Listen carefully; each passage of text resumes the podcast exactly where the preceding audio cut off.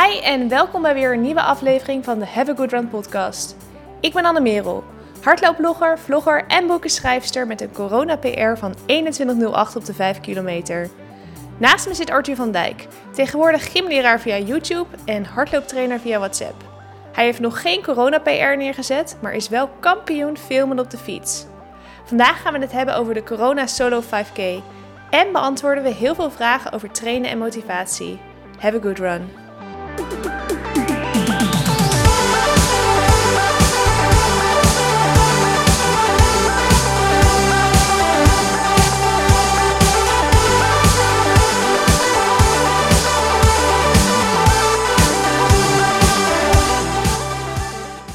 Anne Wereld was eh, leuk vanmorgen zeg. Lekker gelopen. Ja, Hoe, hoe was dat mentaal? Was het zwaar of eh, in je eentje?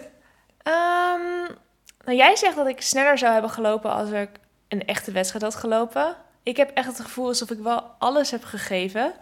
Toen ik vanmorgen wakker werd om vijf uur, toen ben ik ook meteen opgestaan. Ja, ik had dus echt de wekker om vijf uur gezet, terwijl ik de hele dag de tijd had om die vijf kilometer te lopen. Je had echt een plan hè? Ja, ik had echt een plan. Ik dacht, ik moet lopen voordat de rest van Nederland wakker is. Want dan heb ik gewoon de weg voor mezelf. En dan hoef ik geen rekening te houden met andere mensen. En ik had een mooi rondje voor mezelf uitgestippeld. Ik was gisteren, had ik hem nog een keertje voor de laatste keer gelopen. Met twee horloges getest. Beste horloge. Wat voor mij eigenlijk het minst gunstig was, maar die wel het meest eerlijks de, de route, de GPS had. Die heb ik gekozen. En ja, dus om vijf uur ging die wekker. En ik eh, dacht nog heel eventjes, ik kan ook om half zes opstaan. Of ik kan ook gewoon niet gaan lopen. Maar ja, ik ben toch opgestaan zoals ik eigenlijk altijd doe als mijn wekker gaat voor een hardloopwedstrijd. Een minuut later stond ik beneden, koffie gemaakt, havermout. En ja, het, het voelde wel, ik voelde wel een beetje die wedstrijdzenuwen zoals ik ze normaal ook voor een wedstrijd heb. Maar ik denk ook vooral dat dat kwam doordat ik zo vroeg was opgestaan en ook gewoon echt het hele wedstrijdritueel deed. Ik had gisteren ook al mijn kleding klaargelegd en ik wist al naar welke muziek ik ging luisteren. En ik had zelfs een startbewijs gemaakt van eh, mijn CPC-startbewijs dat ik eh, uiteindelijk nooit heb kunnen gebruiken. Dat is dus nu uiteindelijk wel gebruikt. Ja, ik, het, was wel, eh, het was wel heel bijzonder. Ja, want ik denk wel dat je twee, twee soorten mensen hebt. Je hebt mensen met een plan. Mhm. Die kijken naar het weerbericht en die kijken hoe laat het windstil is. Ja, En die houden rekening mee met het feit of het druk is kan zijn op de weg. Mhm. Dat soort dingen. En je hebt de mensen die gewoon zeggen... oh joh, ik loop hem wel op eh, 25 april. En die slapen uit en die hebben geen idee nog steeds als ze opstaan... of ze hem in de ochtend gaan doen, of 's middag of 's avonds. ja. Nee, ik had wel echt een duidelijk plan. En ja, dat heb ik ook wel gewoon nodig. Want anders dan voelt het niet als een echte wedstrijd voor mij. Ik vond het ook wel heftig hoor, want toen jij zei... ja, eh, ik ga morgen om 5 uur de wekker zetten... Ja. want ik wil echt voor half acht starten. Ja, En ik dacht, eh, dus op zich natuurlijk, is dat natuurlijk wel eh, heel goed dat je goed wakker bent voordat je heel diep kan gaan. Want als je opstaat, kan je niet binnen een uur al eh, volle bak lopen. Je moet gewoon Nee. echt wakker worden. Ze zeggen ook vaak dat je minstens vier uur voor een wedstrijd Ja. wakker moet nou, zijn. daar heb ik ook over nagedacht. Maar toen dacht ik, dit gaat wel echt heel ver. En ik was ook, ik dacht vijf uur en dan om negen uur starten, dat lijkt me dan weer helemaal niet slim. Want ja, dan zijn er alweer mensen die op de weg. En die wilde ik gewoon echt niet. Ik was, gisteren had ik eh, het rondje nog een keertje verkend. En zoveel kinderen op stepjes en skilers, eh, auto's, fietsers. En die mensen moest ik dan ontwijken. En daardoor kon ik niet echt een mooie lijn lopen. En vandaag had ik daar natuurlijk totaal geen last van. Er was één fietser en dat was jij. Ja, er was gewoon helemaal niemand. Het was rustig. En nou, soms was er wel eens iemand met een hond die keek echt... Wat doe jij hier in je korte broek en je hemdje en je startnummer? ja. Dat soort dingen. ja, maar dat vond ik juist wel weer heel leuk om te zien. En die liep op de stoep, dus die liepen niet waar ik liep. En wat ik ook wel fijn vond, kijk, als je heel diep gaat, dan moet je soms wel eens kuchen. Ik ben, niet, ik ben niet een hardloper die op de straat spuugt, maar ik ben wel iemand die soms een beetje moet kuchen. Nou, als je dat overdag doet en met allemaal mensen op straat, die kijken je echt aan van, doe dat even lekker niet. Ja, Dus- zeker nu hè. Ja, dus ik dacht, ik ga dit gewoon doen als iedereen al slaapt. En je rondje, want ik probeerde jou vaak over te halen van... eh, joh, je moet eh, boven op de duinen beginnen en dan eh, heb je eerst een stuk vlak en dan heb je een eh, afdaling. En dan loop je weer terug onderaan de duinen. En dan is precies het verschil 150, 200 meter. En dat mocht. Ja. Maar jij zei, nee, nee, ik heb een rondje. Hoe heb je, waarom hield je je zo daaraan vast? Nou, ik ehm, heb al negen jaar hier gelopen. Dit is, ik heb op de Laan van Poot. Eh, voor degenen die het niet kennen, dat is een mooie lange weg langs de duinen. Met woonhuizen aan de ene kant en aan de andere kant duinen. En de Laan van Poot is heel mooi breed. Prachtig asfalt, is onlangs nog opnieuw geasfalteerd. En ik heb daar dus al negen jaar gelopen. Dus ik ken echt iedere straathoek. En ik weet precies, oh, daar is het zoveel meter. En daar is het zoveel meter. Oh, en daar komt een bochtje. Oh, en daar is iets hoger. Oh, en daar komt die vluchtheuvel. Dus ik ken dat echt op mijn duimpje. En ja, het was precies als je hem heen en weer liep met het loopje.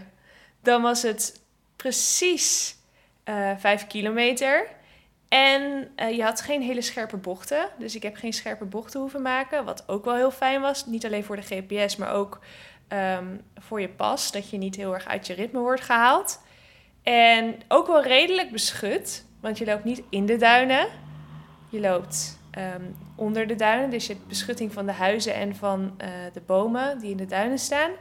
Dus dat was wel de reden waarom ik daar graag wilde lopen. En ik dacht, het moet gewoon eerlijk. Want ja, ik kan wel met een leuk hoogteverschil gaan lopen. Maar voor mezelf vind ik dat ook gewoon niet leuk. Ik wil ook gewoon, die tijden wil ik zelf ook gewoon eh, kunnen waarderen. En als ik weet dat ik veel meer downhill heb gelopen dan eh, uphill, dan voelt het voor mij niet echt. Ik bedoel, ik had hem ook vijf keer op pauze kunnen zetten, mijn horloge.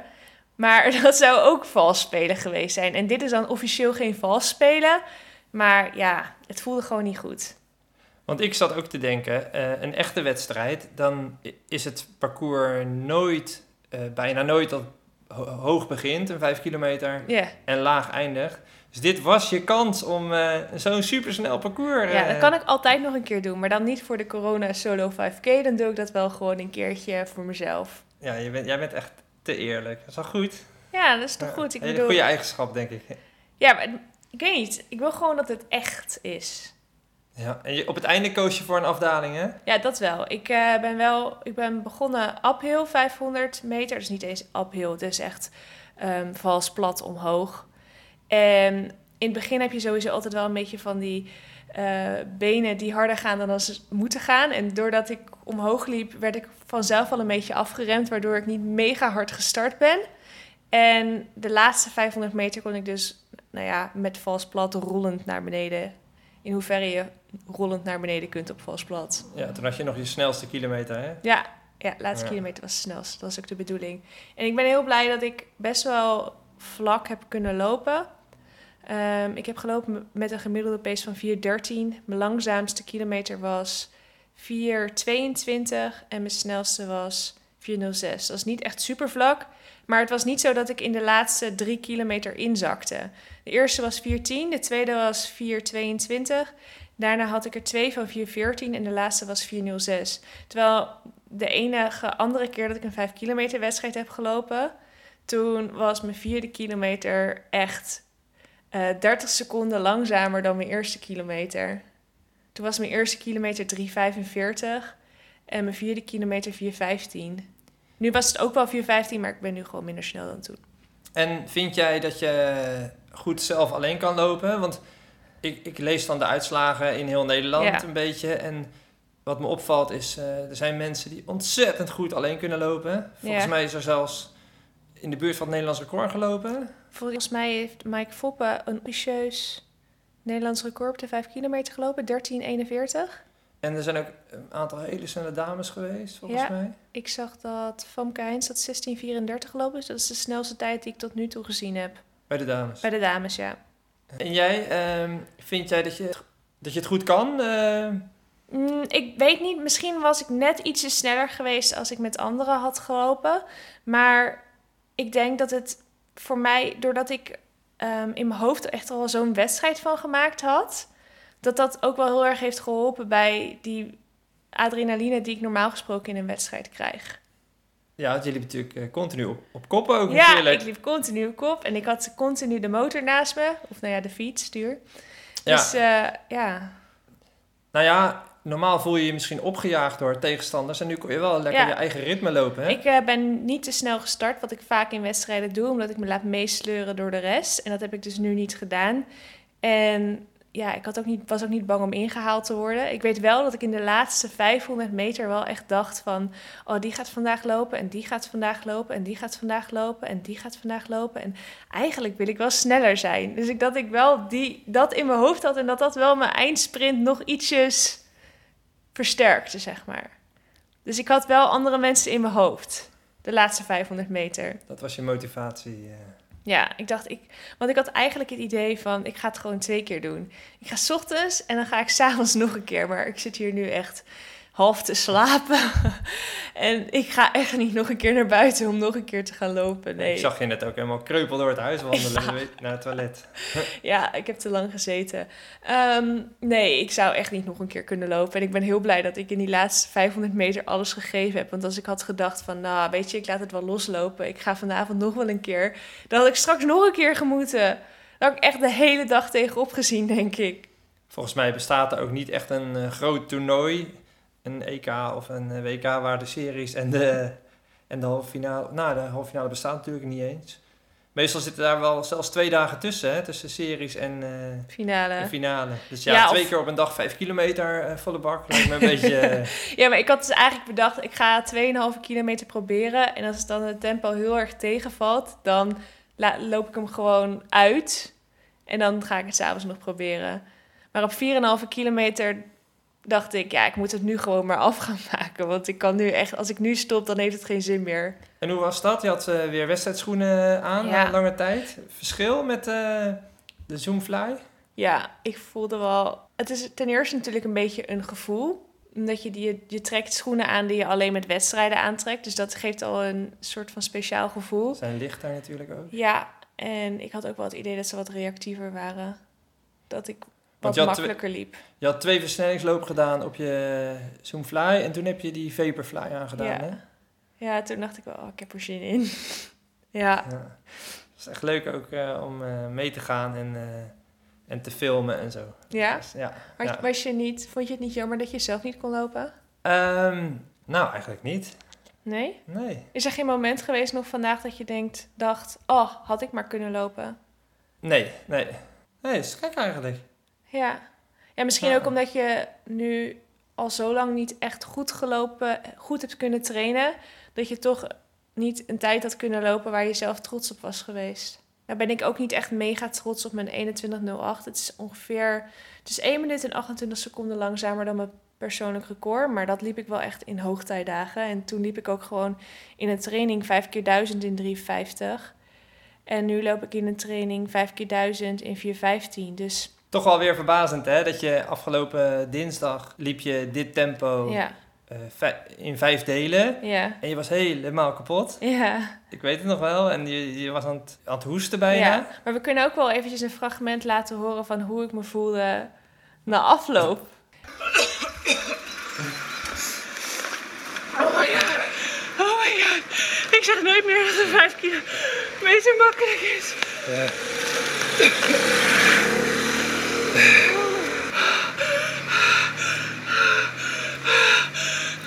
Rustig aan. Oké. Solo om kwart over zeven. Holy shit. Zaterdagochtend. Oh, mijn armen. Oh, ik kan niet meer praten. Mijn armen. Mijn armen zijn helemaal verzuurd. Holy shit. Mijn god, mijn armen jongen. Het voelt helemaal alsof ik in die 3000 meter wedstrijd. En ik ben echt blij dat er geen andere mensen waren, want in ieder geval heel weinig. Want als je dit overdag doet, Ja. je tijd aan, diep in je ademhaling. En dan wil je hoesten. Maar dan wil je natuurlijk niet hoesten, want dan denk je dat mensen denken dat je corona hebt. En. Oh man. Ehm 2108. Toppertje. Ja, ik heb 1940 staan. Maar als je bedenkt dat ik afgelopen dinsdag met moeite 5 keer 1000 in dit tempo liep. Met 2 minuten wandelpauze, dan ben ik wel blij. Oh. En zo is het. Ik was volgens mij eh, best wel kapot na afloop van die vijf kilometer, hè? Vandaag? Ja. Ja, ja.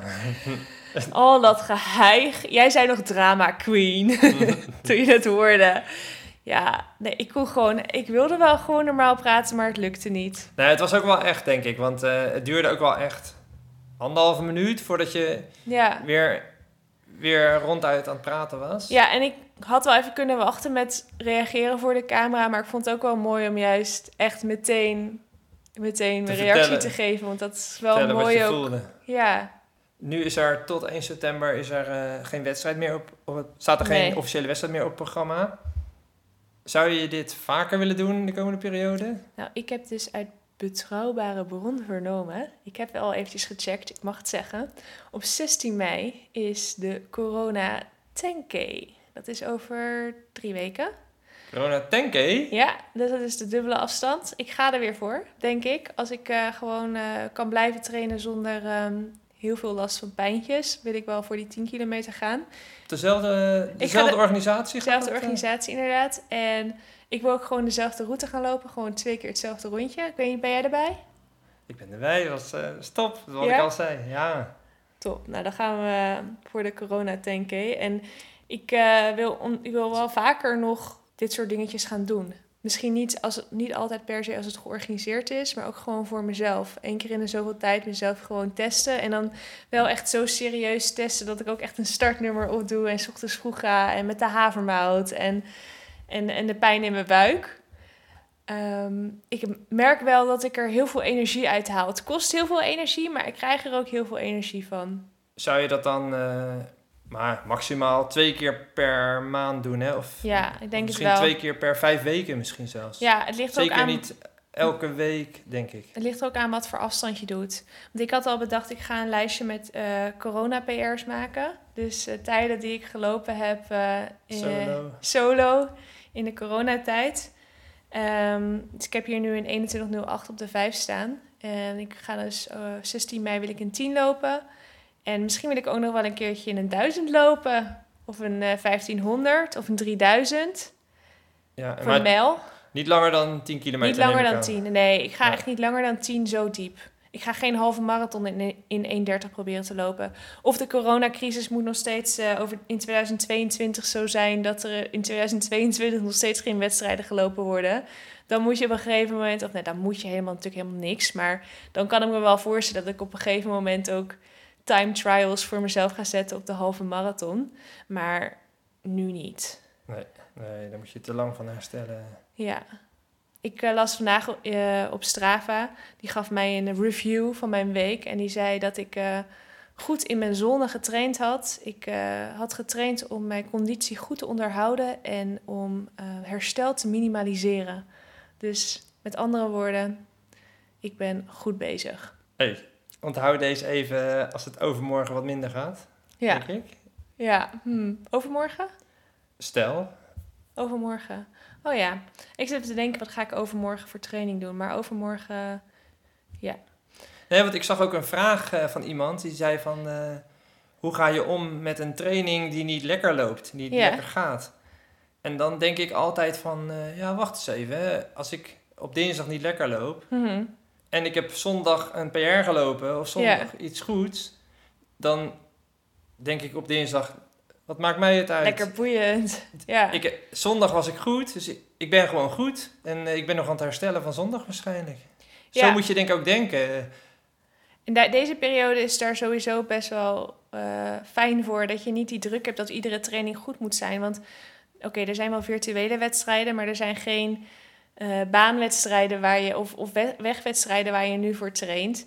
En ehm, dan heb je, als je traint met een specifiek doel voor ogen, dan wil je misschien per se dat die zes keer duizend alle, alle zes in 400 gaan. Maar nu is dat toch niet zo. Ja, er staan niet dat soort doelen staan op dit moment niet echt op het programma. Ja, dat, die druk is er op dit moment ook niet. Dus ja, geniet gewoon van je training en loopt het een keertje niet zo lekker. Maak er geen big deal van. De volgende keer gaat het misschien weer beter. En misschien gaat het de volgende keer ook niet beter. Maar misschien gaat het dan weer de volgende keer beter. Je brengt mij ook wel heel dicht bij mijn tip van de week. Ja, oké. Zullen we dan beginnen met eh, de tip van de week? Ja? De tip van de week. Vooral deze week hè, in de coronatijd is het wel slim om, mocht je nou bijvoorbeeld een pijntje voelen of je voelt je niet echt super of je denkt ik heb, ik heb wat veel last van mijn knie of van mijn Achillespees of dat gaat misschien niet goed. Zeker in deze tijd kan je dan gerust een training overslaan. Ja, En dan ga je die volgende dag of twee dagen later of de volgende dag stap je even op de fiets. Ja. En dan train je pas op eh, dinsdag weer. ja. Goeie. De fysio's zijn op dit moment ook niet echt geopend. Volgens mij kun je alleen naar de fysio als het echt eh, heel dringend is. Dus ja, probeer niet geblesseerd te raken. Is wel, eh, is wel heel belangrijk, in, zeker in deze tijd. Ja, druk van de ketel. Ja. is belangrijk. Een dagje extra looprust is niet erg. En dan zal je merken, dan ben je ineens goed uitgerust. Ja. Ik eh, zat gisteren een live, Instagram live te kijken tussen Run Today, eh, Nijmegen en Abdi Nageye. En Abdi zei, ja, rust is eh, juist soms wel heel goed. Want dan zie je van die vrouwen, die zijn dan zwanger geweest, hebben een kindje gekregen... en lopen dan ineens 2.17 op de marathon. Omdat ze, ze helemaal zijn uitgerust, kunnen, lopen ze nu ineens de sterren van de hemel. Keniaanse vrouwen. ja, toen dacht ik, wow, oké. Nou, dat schept ook nog perspectief voor mij. Als ik eh, ooit een kindje krijg dat ik nog 2,17 kan lopen op de marathon. Weet jij iets eh, meer dan ik? Of? Eh, nee. Ehm, ik ga ik dan maar gelijk verder met mijn hardloopnummer van de week. Ja, hardloopnummer. Ja, oké. Ik heb dus vanda- deze week een nummer ontdekt, wat al vier maanden op de radio is, maar wat ik voor het eerst gehoord heb deze week. En jij ook. Nou, ik heb hem wel vaker gehoord. Ik dacht alleen dat het een nummer uit de jaren tachtig was, want ik heb alleen het intro gehoord en ik heb nooit de stem gehoord. En afgelopen week zat ik op het dakterras en ik hoorde uit een auto hoorde ik een nummer komen. En ik denk, hé, hey, dat is dat nummer wat ik al een paar keer gehoord heb uit de jaren tachtig. Wat toevallig dat dat nu ook uit deze auto komt. En ik dacht, ik ga het shazammen. En toen dacht ik, nee, dat kan niet. Toen dacht ik, welke artiest zou dit nummer gemaakt kunnen hebben? En toen dacht ik ineens, The Weeknd. Dus ik zoeken The Weeknd. Toen zag ik dat eh, bovenaan stond Blinding Light. Toen dacht ik, nou, laat ik die eens proberen. Het klinkt wel, het nummer, die in, het intro klonk wel een beetje als Blinding Light. En ja, warempel. Het was dat nummer. En ehm, ik heb hem gisteren, had ik, ging ik inlopen. Toen heb ik 24 minuten lang dat nummer geluisterd. En, en het is al vier maanden op de radio. Ja, Ja, wij luisteren nooit radio. Ja, en je, je zit ook niet meer in de auto natuurlijk. Nee, ik zit haast nooit in de auto. En ehm, als ik in de auto zit en ik luister naar de radio, dan is het meestal Radio 1. En dat is niet echt heel veel muziek. Daar luister ik ook niet voor naar de muziek. Maar dan denk ik, oh, dit is wel een interessant pra- praatprogramma. Misschien word ik nog wat slimmer. En dan luister ik daarnaar. Maar ik luister nooit naar de radio voor muziek. Dus de song van de week is eigenlijk voor mensen die nooit naar de radio luisteren. Ja, Want voor die mensen is het misschien ook wel een nieuw nummer. ja. Blinding Light van The Weeknd dus. Oké, zijn we aanbeland bij de vragen. Er zijn echt mega veel vragen binnengekomen via Instagram. We hadden gevraagd eh, of jullie vragen hadden over motivatie en training. En ehm, nou, volgens mij hebben we meer dan 50 vragen binnengekregen. Ehm, we hebben ze een beetje opgedeeld in de drie verschillende thema's: doelen stellen, trainingstips en motivatietips. Laten we beginnen met doelen stellen. Ehm, daar zijn een aantal vragen over binnengekomen. Tuur, jij bent daar wel goed in, in doelen stellen. Vertel. Nou, ik zat ook eh, deze week was ik bezig op YouTube met eh, filmpjes voor kinderen. Op woensdag eh, plaats ik de laatste tijd altijd een filmpje over iets waar ze wat aan hebben, mentaal zeg maar. En afgelopen woensdag schreef ik over eh, uitdagingen die je trots maken. En ik denk dat dat ook op volwassenen, op iedereen eh, wel van toepassing is. Ehm, als je ergens hard voor gewerkt hebt, Ja. dan voel je, je- voel je je trots als het lukt. Ja. Dus ja, wat ik dan denk is, vraag je op, op zondagavond af, hoeveel kilometer wil ik deze week lopen? Of vraag je op zondagavond af, ik wil tenminste een snelheidstraining doen deze week. Ja. En als je dan aan het eind van de week daarop terugkijkt en het is dan gelukt, Mhm. ja, dan voel je je natuurlijk trots. En dan heb je er zelf aan gewerkt, heb je het gedaan. Ik denk dat je dat ook het beste dan op zondagavond op kan schrijven. Dat je het ook gewoon visualiseert voor jezelf. Dat je het niet alleen door je hoofd hebt spoken, maar dat je het ook opschrijft en dat je jezelf op die manier aan kan houden. Ja, dus op zondagavond bedenk je, ik, ik wil deze week drie keer hardlopen. Ja, En als je dat dan, dan voel ik me trots. Dat kan je Ja. zondagavond, hoe voel ik me trots? Als ik deze week 30 kilometer loop. Ja. Of als ik deze week 40 kilometer loop. ja. Afhankelijk van je niveau. Als ik deze week nog twee buikspieroefeningen trainingen gedaan heb. Ja, en als je, inderdaad, als je dat dan opschrijft en als je die uitdaging dan, dan doet, dan heb je Ja. er hard voor gewerkt zelf. En daar, daar word je trots van Ja. natuurlijk. Je zou ook een stickerkaart voor jezelf kunnen maken. En iedere keer als je het dan een taakje gedaan hebt, kun je jezelf een sticker geven. Dat werkt voor mij echt ontzettend goed. Maar ik denk dat er heel veel mensen zijn die dat een beetje overdreven vinden voor de kleuterschool. Ja, dat gaat mij te ver. Maar noteren van trainingen in een boekje, Ja, dat is misschien eh, ook wel lekker. Jij, jij, jij bent daar heel erg goed in. ja.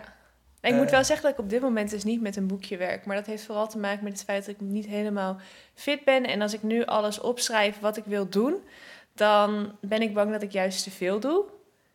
Dus ik maak, ja, ik, ik probeer niet te veel te plannen juist op dit moment. Ik juist, kijk juist 's ochtends van wat kan ik doen en dan doe ik dat.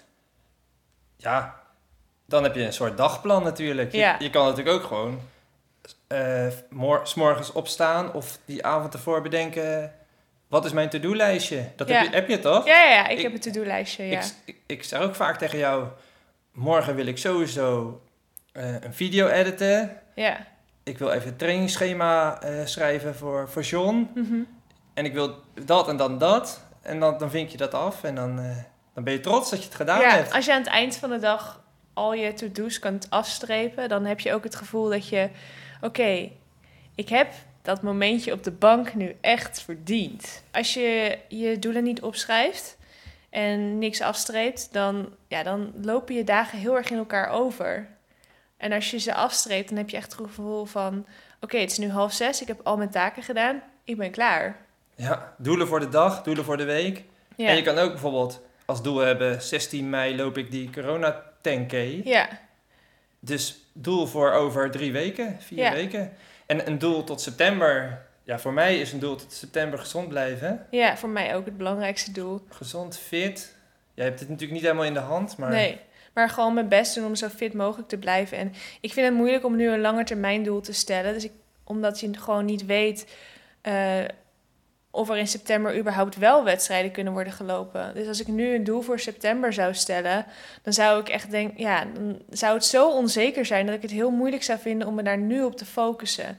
Eh, ik heb officieel de, op 14 september de Boston Marathon staan, maar ik train nu niet met die marathon in het vooruitzicht. Ik train voor wat kleinere dingetjes eh, weer fit worden. Nu heb, ik, nu heb ik die vijf kilometer gelopen. Daar heb ik niet specifiek voor getraind. Maar toen ik afgelopen dinsdag vijf keer duizend liep... toen dacht ik wel, oh, even goed mijn best doen. Want dit tempo zou ik ook het liefst eh, lopen tijdens de corona 5K. Nou, dat is gelukt. En nu weet ik dat ik over drie weken die 10 kilometer wil lopen. Dus nou ja, dan ga ik kijken of ik misschien die eh 5 keer 1000 uit kan bereiden tot steeds 7 keer 1000. En ja, dat zo, zo, zo kijk ik nu juist wat meer, eh, niet te ver weg, maar juist wat meer in het nu. En eh Watford 82 die zegt eh, in hoeverre kan het bijhouden en noteren van je trainingen je stimuleren en motiveren in een wedstrijdloze tijd? Nou, ik denk dat het je heel veel kan motiveren en stimuleren. Ik denk juist nu dat het belangrijk is om dingen op te schrijven, toch? Ja. Je doet het ook niet, hè? Ik heb wel, wat ik dus bijvoorbeeld heb, is ik heb die Garmin Connect app. Ja. En daar, daar ge- die geeft altijd aan, de laatste zeven dagen heb je 150 kilometer gefietst. Ja, En als ik dan eh, de volgende ochtend wakker word en er. ik zie daar 110 staan, omdat Ja. hij dan de dag daarvoor niet meer meetelt, dan heb ik wel een beetje zo die dag van, nou, ik, moet mijn 100, ik wil mijn 150 wel weer halen. Ja, Dus dan fiets ik die dag 40. En die volgende dag heb ik bijvoorbeeld die, in die week daarvoor niet gefietst. Dus dan blijft die, 100, die 150 blijft dan die volgende dag ook nog staan. en dan denk je ook, ik hoef vandaag niet te fietsen, want het gaat toch niet onder de 150 vandaag. Ja, dus dat is ook een soort gevoel van trots. Dus die Ja. Connect. En die geeft ook je hardloopkilometers eh, aan in de laatste Ja. zeven dagen. Ja. Dus ja, Dat werkt ook wel motiverend. ja. Ja. Ja. Oké, verder met trainingstips. Er zijn heel veel vragen gekomen over hoe je sneller wordt. Eh, bijvoorbeeld van Zoe, die traint vijf keer per week. Roos, die is wat minder ervaren, ze- maar ze loopt nu al wel de 5 kilometer in 30 minuten. Vera de Vries vraagt, wat is een goede sprinttraining om sneller te worden? Tuur, Hoe word je sneller? Hoe lo- loop ik over een maand die vijf kilometer een minuut sneller? Oh, maar dit zijn wel twee aparte vragen, hè? Want ehm, hoe word ik sneller is natuurlijk een hele gevaarlijke vraag. Zeker voor eh, mensen die eh, niet gewend zijn om, om topsprint op topsnelheid te lopen. Ja. Dus dat moet je zeker niet gaan doen. Nee. Dus voor die mensen zijn korte inter... Mensen die bijvoorbeeld...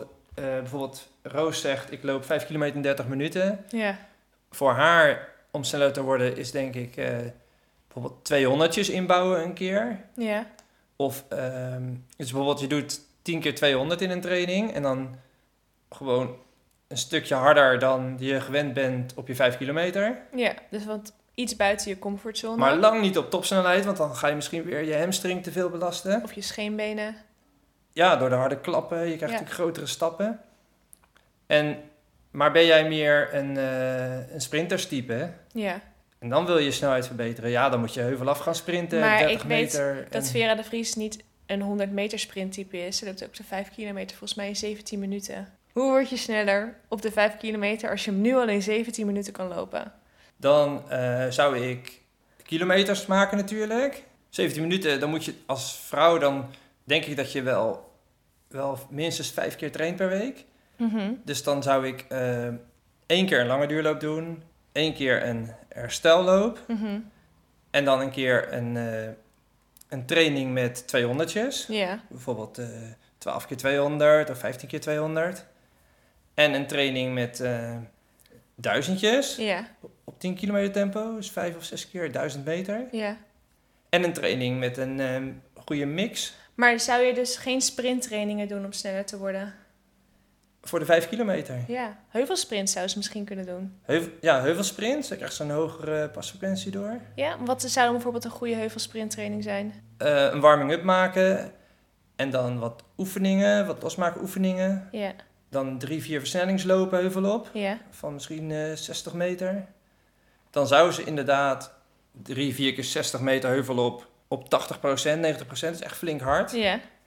En dan nog eh 6 of 7 of 8 keer 20 seconden heuvel op sprinten. En dan voluit. Of 95 procent. Nou, altijd wel de ontspanning houden. Ja. En als je gevoelige hamstrings hebt en je bent een 5 kilometer loper, dan zou ik nooit voluit gaan. Nee? Nee. Ehm, Nick Hertogs vraagt: Hoe bepaal je het beste je threshold tempo? Ik liep onlangs 1.19 op de halve marathon. Allereerst 1.19 supersnel. Ja, dat is 3,45 per kilometer. Ja, Dus- oh, ik, kan, ik zou dat niet zo uit mijn hoofd kunnen zeggen, Ja. maar ik geloof je meteen. Ja, nou ja, dat is een beetje het, eh, het, het Rotterdam Marathon tempo wat ik van plan was. Hè? Echt? Oh ja, tuurlijk. Ja. Ja. Nou ja, als je een halve marathon in 3,45 kan lopen, dan zou je, als je een uur voluit zou gaan, zou je denk ik wel rond de 3,40 lopen. Ja. En je threshold is wel zo rond het tempo wat je een uur zou kunnen volhouden. Oké. Dus ik denk dat zijn threshold dan 3,40 is. Ja. En dat is een tempo. Maar threshold is eigenlijk meer op hartslag, toch? Je loopt toch altijd net rond je omslagpunt? Ja, dus als hij bijvoorbeeld een training zou doen met ehm, een goede warming-up. En dan doet hij bijvoorbeeld eh, wat versnellingen. En daarna doet hij drie keer vijf minuten op dat 340 tempo. Mhm. Dan kan hij precies zien wat zijn hartslag daar is. Ja. Nou, bij mij is, dat, is die hartslag dan eh 172. Ja. Soms als het wat warmer weer is, is die 174. Soms 170. Maar rond die hartslag. En dan eh, weet hij gelijk dat dat eh, zijn threshold is. Dus dan zou hij volgende keer bijvoorbeeld een threshold... Zou hij dus 20 minuten op hartslag 170, 174 kunnen lopen? Dat is pittig. Ja, maar dat doet eh, Susan Crumens, hè? Oeh ja, maar dat is ook wel een topper natuurlijk. Ja. Nee, ik zou dat niet, eh, ik zou dat niet aanraden. Het is Ik heftig. heb dat wel een keer gedaan, 20 minuten. Ja? Voor de CPC vorig jaar, die ik ook niet gelopen heb. Ik zou je vertellen, als ik drie keer drie kilometer op die hartslag doe, oh, dan ben ik kapot. Ja, maar weet je wat het wel is? Ik heb vandaag die eh 5 kilometer gelopen en voor mijn gevoel ben ik echt tot het gaatje gegaan. Want na drie kilometer kreeg ik zelfs verzuring in mijn armen. Nou, dat heb ik echt nooit. Ik heb dat één keer eerder gehad in een 3000 meter wedstrijd, weet je nog, die ene? Dat Ja, ik je had ook een beetje Keniaanse armen, zag ik. Ja. Eh, die hoek was klein dan 90. Ja, Je had een hele snelle pas vandaag, hoge cadans. Ja, nou, anyway. ehm, ik had het je- gevoel dat ik echt een hele hoge hartslag had. Ik had niet mijn hartslag in beeld, dus ik wist niet of dat waar was dat ik echt een hoge hartslag had. Maar uiteindelijk bleek die gemiddeld 166 te zijn. En in die laatste kilometers was die nog steeds onder mijn omslagpunt. Hij is maar één keer boven mijn omslagpunt geweest. En dat was 172, dus niet eens mijn maximale hartslag. En voor de luisteraars, ehm, ik liep met een hartslagband. Dus het was wel de correcte hartslag. Dus ik had het gevoel alsof ik op mijn max liep. Ik, Dus misschien kan ik toch in een wedstrijd met mensen meer. Oké. Voor mijn gevoel heb ik wel echt alles gegeven. Oké, daarom zijn het dus corona-PR's. Je moet ze niet willen vergelijken met andere wedstrijd-PR's. Als je nu een PR kan lopen in coronatijd solo, dan weet je dat je echt heel fit bent. Dat Ja. zou ik, ik ben blij dat ik dat trouwens niet doe. Dan zou ik echt balen. Als ik nu zo fit was geweest dat ik sneller dan 1940 op de 5 liep, dan had ik het wel heel graag in een echte wedstrijd willen lopen. Dan had ik misschien wel onder de 19 gelopen. Ja, en je kan dan ook eh, tegen jezelf zeggen: ehm, Ik kan gewoon op kop in een wedstrijd. Ik kan mijn eigen, Op kop. ik, ik kan mijn eigen, Als vrouw. mijn eigen ritme zoeken. Ga ik dan voor Dominique lopen? Of Tom de Gelder? Of Tuurtje? Ik bedoel, als jij, als jij solo een PR kan lopen, dan kan Ja. jij best een, een groepje waar je in loopt aanvoeren. Ja, Want dan- dat doe ik altijd. Mensen gaan altijd achter mij lopen. Of ik laat nooit mensen voor mij lopen. Dat is mijn probleem. Ik moet altijd achter mensen lopen, maar dat doe ik niet. En negatief, als je het negatief bekijkt, dan eh, wie nu een PR loopt in, eh, in een solo corona-wedstrijd, die is ook echt een trainingsbeest. Ja, ik weet ook niet of het nu heel goed is Ik om weet nu niet, in vorm te zijn. Het is ook wel goed om een trainingsbeest te zijn, als je het ook maar in een wedstrijd laat zien. Ja, maar ik weet niet of het nu echt heel erg veel zin heeft om mega in vorm te zijn. Je ziet heel veel eh Olympisch atleten dat die nu op dit moment wel vooral basistraining doen en niet aan het pieken zijn, omdat ze zich willen sparen. Vooral veel basistraining doen en dan op het moment dat het weer kan, dat ze dan weer wat meer prikkels gaan doen. Ja. Suzanne het- doet het niet is voor niets niet mee vandaag. Ja. Het is ook wel individueel bepaald. Als jij eh, in januari, februari eh, eruit hebt gelegen door een blessure Mhm. en je bent in maart weer gaan opbouwen, dan is het helemaal niet erg om eh, nu weer lekker te lopen. Ja, Want ja, inderdaad, de boog kan niet altijd gespannen zijn, maar ja, misschien was die boog niet gespannen en Nee. dan zijn die... Maar aan de andere kant, weet je, voor mij staat er natuurlijk ook veel minder op het spel. Ik bedoel, ik hoef geen Olympische kwalificatie af te dingen. Het zou heel leuk zijn, maar echt, dat, dat kunnen we wel vergeten. Dus voor een atleet van wie wel een Olympische kwalificatie zou kunnen halen, ik snap wel dat die op dit moment niet aan het pieken is. Nee. Of iemand die al een Olympische kwalificatie heeft en die dus nu in afwachting is van Tokio 2021. Oké, nog een vraag. Eh, Chantal vraagt: Hoe train je voor een strandrun als je geen strand in de buurt hebt? Nou, ik weet niet waar je woont. Ehm, ik weet wel dat de Loonse Drunense Heide heb je ook wel een soort van zandbak, volgens mij. Oh ja, en in Soest bij de Sylvesterloop. Oké, daar ben ik nog nooit geweest, maar daar heb je inderdaad volgens mij ook wel heel veel zand. Eh, ik weet niet of er nog meer plekken in Nederland veel zand is, maar volgens mij heb je ook wel stadsstranden, toch? Ja. In Groningen heb je toch ook een soort van strand? Ja, ik zat ook altijd te denken, je, eh, bestel een vrachtwagen, laat wat zand voor je huis storten, maar ja, dat, dat, dat is gaat wel te een beetje overdreven, Tuur. Ik denk dat de gemeente dat niet heel chill vindt. Als jij ineens een vrachtwagen laat komen en de hele straat onder laat lopen met zand. Nee, maar even serieus, er zijn genoeg mogelijkheden, denk ik wel, ehm, op de hei eh, of op de Veluwe, denk ik. Ja. Zeker met het droge weer, dan is alles zo eh, los allemaal. Ja. Seetje vraagt, hoe, zie je de, hoe ziet de perfecte trainingsweek eruit? Gevarieerd, Ja. eh, afhankelijk van hoeveel keer je traint, denk ik. Ja. Train je drie keer per week, dan zou ik ook variëren. ja. Als mijn perfecte trainingsweek is op maandag rond de 45 minuten, Hoeveel Rustig. keer per week train je dan? Je perfecte zes training- keer. In je perfecte trainingsweek.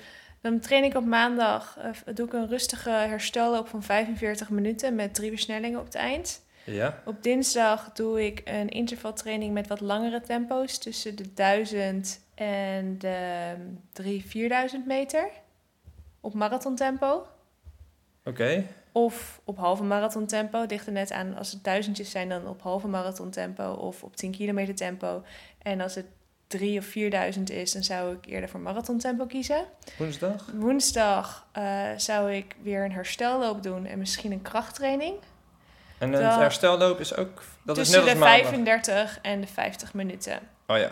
Donderdag? En op donderdag zou ik dan ehm, wat eh, korte intervallen doen. Dus bijvoorbeeld ehm 15 keer 400. Of 12 keer 400. Volgens mij heb ik nog nooit in mijn leven 15 keer 400 gedaan. 15 keer 200 of eh 12 keer 300. Dan op vrijdag rust. Vrijdag Misschien wat yoga, buikspieroefeningen om toch nog eventjes iets gedaan te hebben. Misschien wat fietsen. Dan op zaterdag ehm heuvelsprints. Oh, leuk. Ja. En krachttraining daarna. En dan op zondag een rustige, lange duurloop tussen de 20 en 35 kilometer. Dat is echt, als ik, zo zou ik ze iedere week willen doen. En als je drie of vier keer per week traint, welke trainingen zou jij dan weglaten? Of zou je... Ik zou de training van dinsdag, donderdag en zondag doen. is alleen maar interval. Zondag is een lange, rustige duurloop. Oh, sorry. Ik zou de herstellopen weghalen en ik denk dat ik de ene week dan, eh, bijvoorbeeld op donderdag zou ik dan die intervallen doen. De ene week en op de andere week zou ik dan heuvelsprints doen. Dus de ene week twee tot vier honderdjes en de andere week heuvelsprints. Oh ja. En dan kan je ook op dinsdag ook nog eens eh, variëren in, Lengte van de tempo's. in tempo. Ja. Dus eh, de ene week vijf keer duizend op 10 kilometer tempo. En de andere week half marathon tempo. Ja, En dat wordt dan eh, 2000 of zo. drie keer 2000 op Ja. half marathon tempo. Dat. Dat is mijn ideale trainingsweek. En nu die van jou, Tuur? Je haalt me de woorden uit de mond. Ja. Ja, en, en ik kan misschien nog ook nog ehm, aan toevoegen dat er wel een baantraining bij moet zijn van mij, vind ik. Ja. En dat er eh, veel in het bos gelopen moet worden. De herstellopen en de duurlopen. Ja, heerlijk, op hartslag. Ja. Ehm herstelloop doe ik dan vaak in zone 1. Ja. En ja, dat. Ja. En ehm, ook nog wel een keertje met de fiets ergens naartoe en dan daar lopen. Ja. Tuur, serieus. Wat is er? We hebben, nog, we hebben pas vier vragen beantwoord en we zijn al twintig minuten verder met vragen beantwoorden. Zullen we het alleen over trainingstips gaan hebben en dat we de motivatie voor de volgende keer bewaren? Ja, ja, ja, laten we dat doen. Change Ja. of plans, mensen. We houden het bij trainingstips. En Nina zegt, eh, door op hartslag te trainen moet ik een stuk langzamer. Hoe blijft dit leuk? Hardlopen op hartslag. Je bedoelt waarschijnlijk, dan denk ik, dat je de langzame loopjes, de duurlopen in een zone 1 moet lopen. Ja, Maar dan is juist variëren, variëren leuk, waar we het net over hadden. ja, Dus, dus dan op maandag eh, en woensdag loop je rustig in zone 1. in zone 1 en zondag. Ja, En de andere dagen heb je interval en dan eh, ga je naar andere zones. ja. En ik denk dat als je genoeg interval doet, dat je dan op een gegeven moment wel gaat verlangen naar zone 1. Want dan wil je niet anders dan rustig lopen tijdens rustige duurloopjes. Want je benen willen dan ook gewoon niet anders. En je uithoudingsvermogen, ook je, je, je hartslag, dat wil je gewoon lekker rustig, wil je gewoon herstellen. En de beste lopers die hebben ook een hele grote range. Ja, Die kunnen... Choker kan 2,50 lopen, een marathon lang. ja. 2,50, 2, kilometer? 2 minuten 50 per kilometer, ja. En hij kan zelfs zijn duizendjes in 2,30 lopen. Ja, Maar hij kan ook eh, twee minuten langzamer lopen in een duurloop. Hij kan ook Ja. 4,30 lopen. En ja, als die range groot is, dat is ook een kunst om langzaam te kunnen lopen. ja. En dan toch eh, reactief met een snel, snel ritme. Ja. Dan is gewoon je pas wat korter. En Danique zegt, wat is het verschil tussen op hartslag trainen en op tempo? En heb je ook tips hoe je leuke gevarieerde trainingen bedenkt? Ja, op hartslag, eh, als je in een bos bent, eh, doet je GPS het soms niet. Dan is op hartslag trainen natuurlijk geweldig. Want dan Ja. weet je dat je toch in de goede zone zit. Mhm. Dus dat. En eh, heb je ook nog tips hoe je leuke gevarieerde trainingen bedenkt? ja, waar we het over hadden, eh, naar een ander gebied toe. Ja. Mijn trainingstip van de week. Nee, tra- je training van de week. Mijn training van de week. Wil je nu een fragment doen? Een segment? Ja, dat is goed. Ja? Oké. Die gaat daar ook Tuurs over. training van de week, jongens. Daar komt ie. Mijn training van de week. Eh, ga je huis uit. Ga in de richting staan van waar je wilt trainen. Mhm. Dus niet richting de stad, maar eh, richting het bos waarschijnlijk. Ja, En dan eh, loop rechtdoor richting dat bos. ja. En dan is de tip: ga de eerste straat links en vervolgens de eerste straat rechts. Ja, Vervolgens ga je de tweede links, de tweede afslag rechts. Waarschijnlijk ben je dan misschien al in het bos. Dan doe je de derde links en de derde rechts. Totdat je ongeveer 6 kilometer hebt. ja, En dan kies je hoe je zelf weer teruggaat. ja, En dan heb je een mooie duurloop van 12 kilometer op een rondje wat je misschien ja. nooit hebt gedaan. Dan kom je weer een keer ergens anders. Dat is ook wel leuk om op lage hartslag te doen. Als lange... Als rustige duurloop. Ja, Ja. Ik zou het niet doen als je een tempo-training moet doen. Moet je een bepaald tempo moeten houden, zeg maar. nee, nee, Dan nee, is nee. het nee. echt veel te veel zoeken. Ja, het is een beetje een speelse training. En hij is natuurlijk helemaal leuk als jij naar een bos fietst waar je niet eens zo vaak komt. Ja. En dan, eh, dat je het dan doet, lekker verdwalen. ja, jij zegt lekker vertalen. Dit is echt geen training voor mij. Maar ik vind het heel leuk dat jij dit zo leuk verzonnen hebt. Met een thuiskomfunctie. Ja, dat is wel fijn. Maar ik moet zeggen dat ik een beetje een te neurotische loper ben om zo alles los te laten tijdens een training. Ik hou echt wel van de gebaande paden, zeg maar. Ja, je bent De door mij zelf gebaande paden. Ik Wij- ben honkvast. We hebben vaak een, eh, een discussie van gaan we op asfalt of gaan we... Jij bent meer asfalt en ik ben meer Ja, nee, zachte ondergrond. ik vind tegenwoordig de schelpenpaden wel echt ontzettend fijn. Ik moet ook zeggen dat ik veel vaker in Mijndel de schelpenpaden op, op de schelpenpaden blijf. En dat jij heel vaak denkt, oeh, die heuvel is me iets te stel. Ik neem het asfalt. Dus Ja. ik weet niet waarom je nou zegt dat jij zo van schelpenpaden houdt. Want als het een beetje moeilijker wordt, dan... ja, ik heb die eigenschap van jou overgenomen. Ja, en ik heb die eigenschap van jou overgenomen. Dus de, de goede eigenschap van het schelpenpad. Dus ik wijk niet af, maar jij wel. Dan zie ik jou weer voor me lopen en dan denk ik... Oh, hij pakt weer de makkelijke route.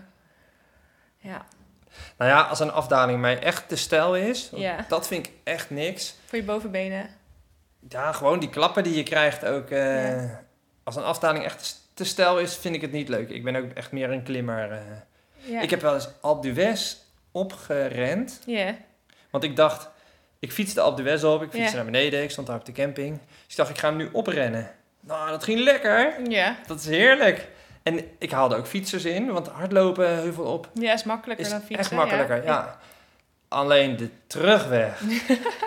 En de dagen daarna waarschijnlijk. Ja, vreselijk, vreselijk, vreselijk. Ik heb niet zo heel vaak na een marathon echt verschrikkelijke spierpijn. Maar na de Boston Marathon, die loopt net iets meer heuvel af dan heuvel op, heb ik zo'n spierpijn gehad dat ik een week niet heb kunnen hardlopen.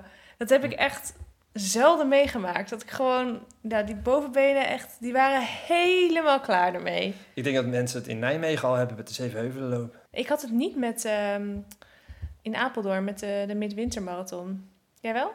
Ja, jij wel. Ja. Jawel. Het is puur die afdalingen, die Ja. spierschade die je dan krijgt. Spiervezels worden uit, uit elkaar getrokken. Nina Leek vraagt welke training is het meest effectief? Ik denk een combinatie van trainingen. Wat denk jij? Ja, of de training die voor jou het meest effectief is. Ja. Ik, ehm, ik had atleten in mijn groep die heel goed reageerden op ehm 200'tjes met hele korte pauze. En die waren absoluut niet goed in eh 1200'tjes op de baan. Ja. En dus ik liet, ik liet haar gewoon veel meer 200'tjes doen met korte pauze. Mhm. En ze werd steeds beter. Terwijl het jaar daarvoor met deze gewoon het programma wat op het programma stond. Ja. En ze, deed ook met tegenzin die 1200'tjes. Ik denk dat het ook heel belangrijk is dat jij een training doet die jij ook daadwerkelijk leuk vindt. Die je niet met tegenzin doet. Als jij een training doet waar je achter staat, die je met plezier doet, dan is dat veel effectiever dan dat jij een training doet die eigenlijk, waar je eigenlijk helemaal niet zoveel zin in hebt. Want dan ga je met veel minder positieve energie in. En dan gaat het waarschijnlijk ook een stuk minder goed. En dan hou je er ook minder uit. Dus je moet niet altijd binnen je comfortzone blijven, want dan, dan word je niet beter. Maar het is ook niet de bedoeling dat je trainingen doet waar je echt tegenop ziet en waar je echt niet van kunt genieten. Kies iets wat bij je past. En ik denk dat voor mij de meest effectieve training 6 tot 8 keer 1000 is op 10 kilometer tempo. Dat, je daar wel, dat ik daar het meeste profijt van heb. Omdat je daar ook plezier in hebt? Ik heb, ik weet niet of ik er echt heel... Ik, ik heb er genoeg plezier in om het leuk te vinden, zeg maar. Wat is jouw leukste training? Ja, ik vind een lange duurloop heel leuk. Alleen ik weet wel dat als ik alleen maar lange duurlopen doe, dat ik op een gegeven moment niet, ik word niet sneller. En ik weet wel met 6 tot 8 keer 1000 maak je wel inclusief inlopen en pauzes maak je wel genoeg kilometers. Je zit al snel aan 15 kilometer. Maar je, je prikkelt ook je snelheid.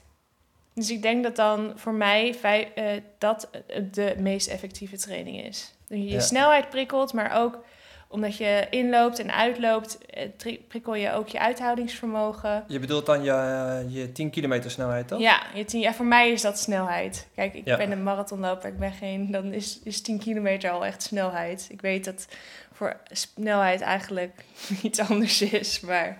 Marlies van Duin zegt, ik heb vaak zware benen in de eerste paar kilometers bij een training. Ik ook. Jij ook? Ja, ja. Al, eigenlijk al heel mijn leven. Ik heb nooit dat ik eh, met inlopen gelijk al denk... Oh, dit wordt een lekkere training. Nee, Vaak pas ehm, als ik twee kilometer heb ingelopen... en ik heb wat oefeningen gedaan of wat versnellingen... Mhm.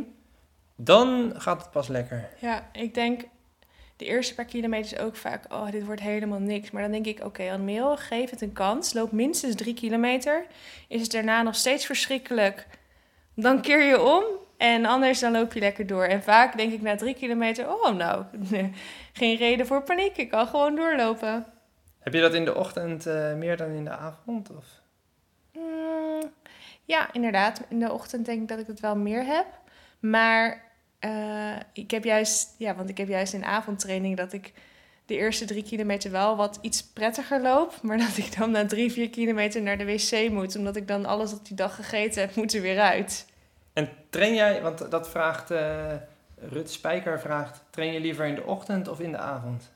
Mm, ik train het liefst om 11 uur 's ochtends. Dat je al wel wakker genoeg, dat je hebt kunnen ontbijten. Niet op een onchristelijk tijdstip hebt hoeven opstaan. En dat je wel gewoon wakker bent dus. Maar ook dat je nog niet zoveel gekke dingen gegeten hebt. Dat je darmen helemaal op hol kunnen slaan. Van alles dat je gegeten hebt. En dat je ook nog niet echt vermoeid bent van de dag. Heb jij ook, want wat ik heb, ehm, als ik bijvoorbeeld op programma heb vijf keer één kilometer, Ja. ik loop die wel beter in de avond dan in de ochtend. Heb jij dat ook? Of? Mm, ja, ik denk het wel. Maar ik heb alleen nog maar als ik. Ik zou vijf keer duizend zou ik normaal gesproken ook alleen met een groep doen. En in de ochtend doe ik het altijd alleen. Dus ik weet niet hoe het zou zijn als ik die vijf keer duizend met een groep in de ochtend zou lopen. Ik vind het wel grappig, want wij hadden het net over wat is je favoriete training. En. Running Niels vraagt dat ook, wat is je favoriete training? Ja. Eh, de jouwe hebben we natuurlijk gehad. Ja, En de mijne is 8 tot 10 keer 2 minuten. twee minuten. Ja, daar hebben we volgens mij vorig jaar ook over gehad. Of was het een vlog? Nou, ja, dat zou ook wel kunnen, ja. Maar ik wist wel dat het acht Ja. tot tien keer twee minuten was voor Ja. jou. Vroeger was het ehm, vier keer een kilometer op de baan in, eh, in Mallorca met de zon die onderging, windstil, dat Sneller soort dan, dingen. sneller dan 300 per kilometer. Ja, heerlijk racen. Ja. En Hangen in die bochten. Oké, eh, laatste vraag. Die is van Dolf. Mijn hartslag is nu door het warme weer hoger dan normaal. Zal ik dan wel hetzelfde tempo blijven lopen in mijn trainingen? Ja, dat zou ik wel doen, ja. Want het is nu nog niet zo dusdanig warm dat het echt gevaarlijk is, hè? Kijk, als het 35 graden is, zou ik wel een ander tempo gaan lopen. Als het goed is, ehm, ga je nu in je korte broek naar buiten. Ja, Dat loopt allemaal wat lekkerder. ja, En inderdaad, je hartslag is dan wel eh, hoger. ja. Maar als jij gewoon het tempo aanhoudt van wat jij eh, twee weken geleden eh, liep... Mhm. en je hebt niet het gevoel dat je minder fit bent... dan denk ik dat dat wel... Ja, ik denk pas dat je moet gaan je tempo moet gaan aanpassen als het echt 30 plus graden is. Of misschien 25 plus en midden op de dag met zon en zo. Dan zou ik wel wat meer op mijn hartslag letten. Want dan kun je zonnesteek krijgen of tekort aan vocht krijgen. Omdat je dan te snel zweet. Maar met de temperaturen die we tot nu toe gehad hebben hier in Nederland, denk ik niet dat je daar echt al risico op loopt. Zeker niet als je gewoon 's ochtends goed gegeten en gedronken hebt. Zorg wel natuurlijk dat je genoeg water drinkt. En als je training niet langer dan anderhalf uur is, hoef je ook niet per se water te drinken tijdens je training, denk ik. Oké, er is er nog eh, één segment. Dat is mijn Anne Merels hardloop-hype van de week. Oh, Ik heb er, ik ben eh, benieuwd, want eh, ik mocht niet meedenken. En je mag wel meedenken, alleen Maar je moest... zei, jij zei, laat me denken, laat me alleen. Ja, oké. Nou, ik ben uiteindelijk gekomen op de Aftershocks Aero Packs. Dat zijn oortjes die ik gebruik met hardlopen, die jij ook gebruikt met hardlopen. En ehm, ik heb ze, ik was ze een tijdje kwijt. Is geen reclame, toch? Is geen reclame, nee. Ik heb ze weer gevonden. En ik vind ze toch wel echt heel prettig lopen. Want je hoort ook gewoon het verkeer. En ik vind dat nu toch wel prettig, omdat ik nu veel op de weg loop. Eh, en op fietspaden in plaats van op het voetpad. Omdat ik niet te dicht langs mensen wil lopen. En ik heb het idee dat ik op het eh, fietspad net iets meer ruimte heb. En ja, daardoor hoor ik mijn omgeving beter. En ben ik meer bewust van mijn omgeving en kan ik mensen beter ontwijken. Ehm, terwijl ik toch ook nog goed mijn muziek kan horen. En dat, die muziek is voor mij wel heel belangrijk. En wat voor muziek eh, draai jij vaak? Nou, wat dacht je van The Weeknd met Blinding Light? Oh ja, en dan eh, wat je vertelde, 24 minuten lang. vier minuten lang repeat. Ja, dat was gisteren. Wat had je tijdens de corona solo 5K vandaag voor muziek? Ik had toen trouwens wel andere headphones in, omdat ik wist dat het rustig was en ik had jou op de fiets. Dus jij kon mij, als er iets aankwam, dan had jij mij wel kunnen seinen dat ik eh, uit moest kijken. Ik had nu de Power Beats Pro wireless in. Ehm, dat zijn ook hele fijne oortjes, maar die sluiten je wel echt heel erg af voor ander geluid. Dus dat is iets minder veilig, maar ik vind het wel lekkerder om helemaal in de zon te komen voor een wedstrijd. Zeker als je die solo loopt en ook geen andere mensen op het parcours zijn. En vandaag luisterde ik naar een setlist van Martin Garrix, die toevallig nog op mijn horloge stond. Het was The Eater, dat was zijn show eh, in Amsterdam 2019. Oh, niet die die op zijn dakterras zat. Nee, want die had ik nog niet op mijn horloge gezet. Daar had ik eh, geen tijd voor. Ik had het heel druk met andere dingen. Dat is wel echt geweldig, hè? Dat, dat je niet meer...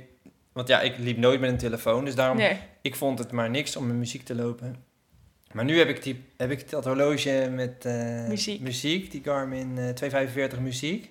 Ja, En nou, nou, nou, ja echt top. Want super fijn. Ja, Jij was eerst echt super anti-muziek. Nou ja, niet, ik had het idee dat je anti-muziek was. Toen heb ik jou een keertje een AirPod van mij in jouw oor gestopt. En met een je- gezamenlijke duurloop. Dan, Ja. dan draag jij rechts en ik links. Ja, dat was op zich wel. ehm zo heb ik je een klein beetje into de muziek met hardlopen gekregen. En nu heb je die eigen Aeropacks en je horloge waar muziek op kan. En het liefst ga jij nu ook wel met muziek lopen, volgens mij. En je Ja. luistert ook meestal wel Martin Garrix, toch? Ja, ja. Dat is wel heel, eh, heel fijne hardloopmuziek. Ja, soms is een rustige lijst ook wel lekker. Op de fiets. Ja, Eh, op de fiets weet ik niet of ik zo snel muziek zou luisteren. Omdat ik dat wel gevaarlijker vind. nou ja, dan zijn die, die oortjes van Oh jou, ja, eh, d- ja, die ook- wel supergoed. Want Ze passen ook onder je helm? ja, ja, Oké, ja, top, ja. top. Want dan hoor je gewoon de omgeving, hè. Ja, Goeie gadget. Oké, hierbij zijn we het einde gekomen van de vijfde Have a Good Run podcast. Als je dit leuk vond, laat het ons dan even weten op Instagram. At Have a Good Run. En ehm, tot volgende week. Have a good run. Have a good run.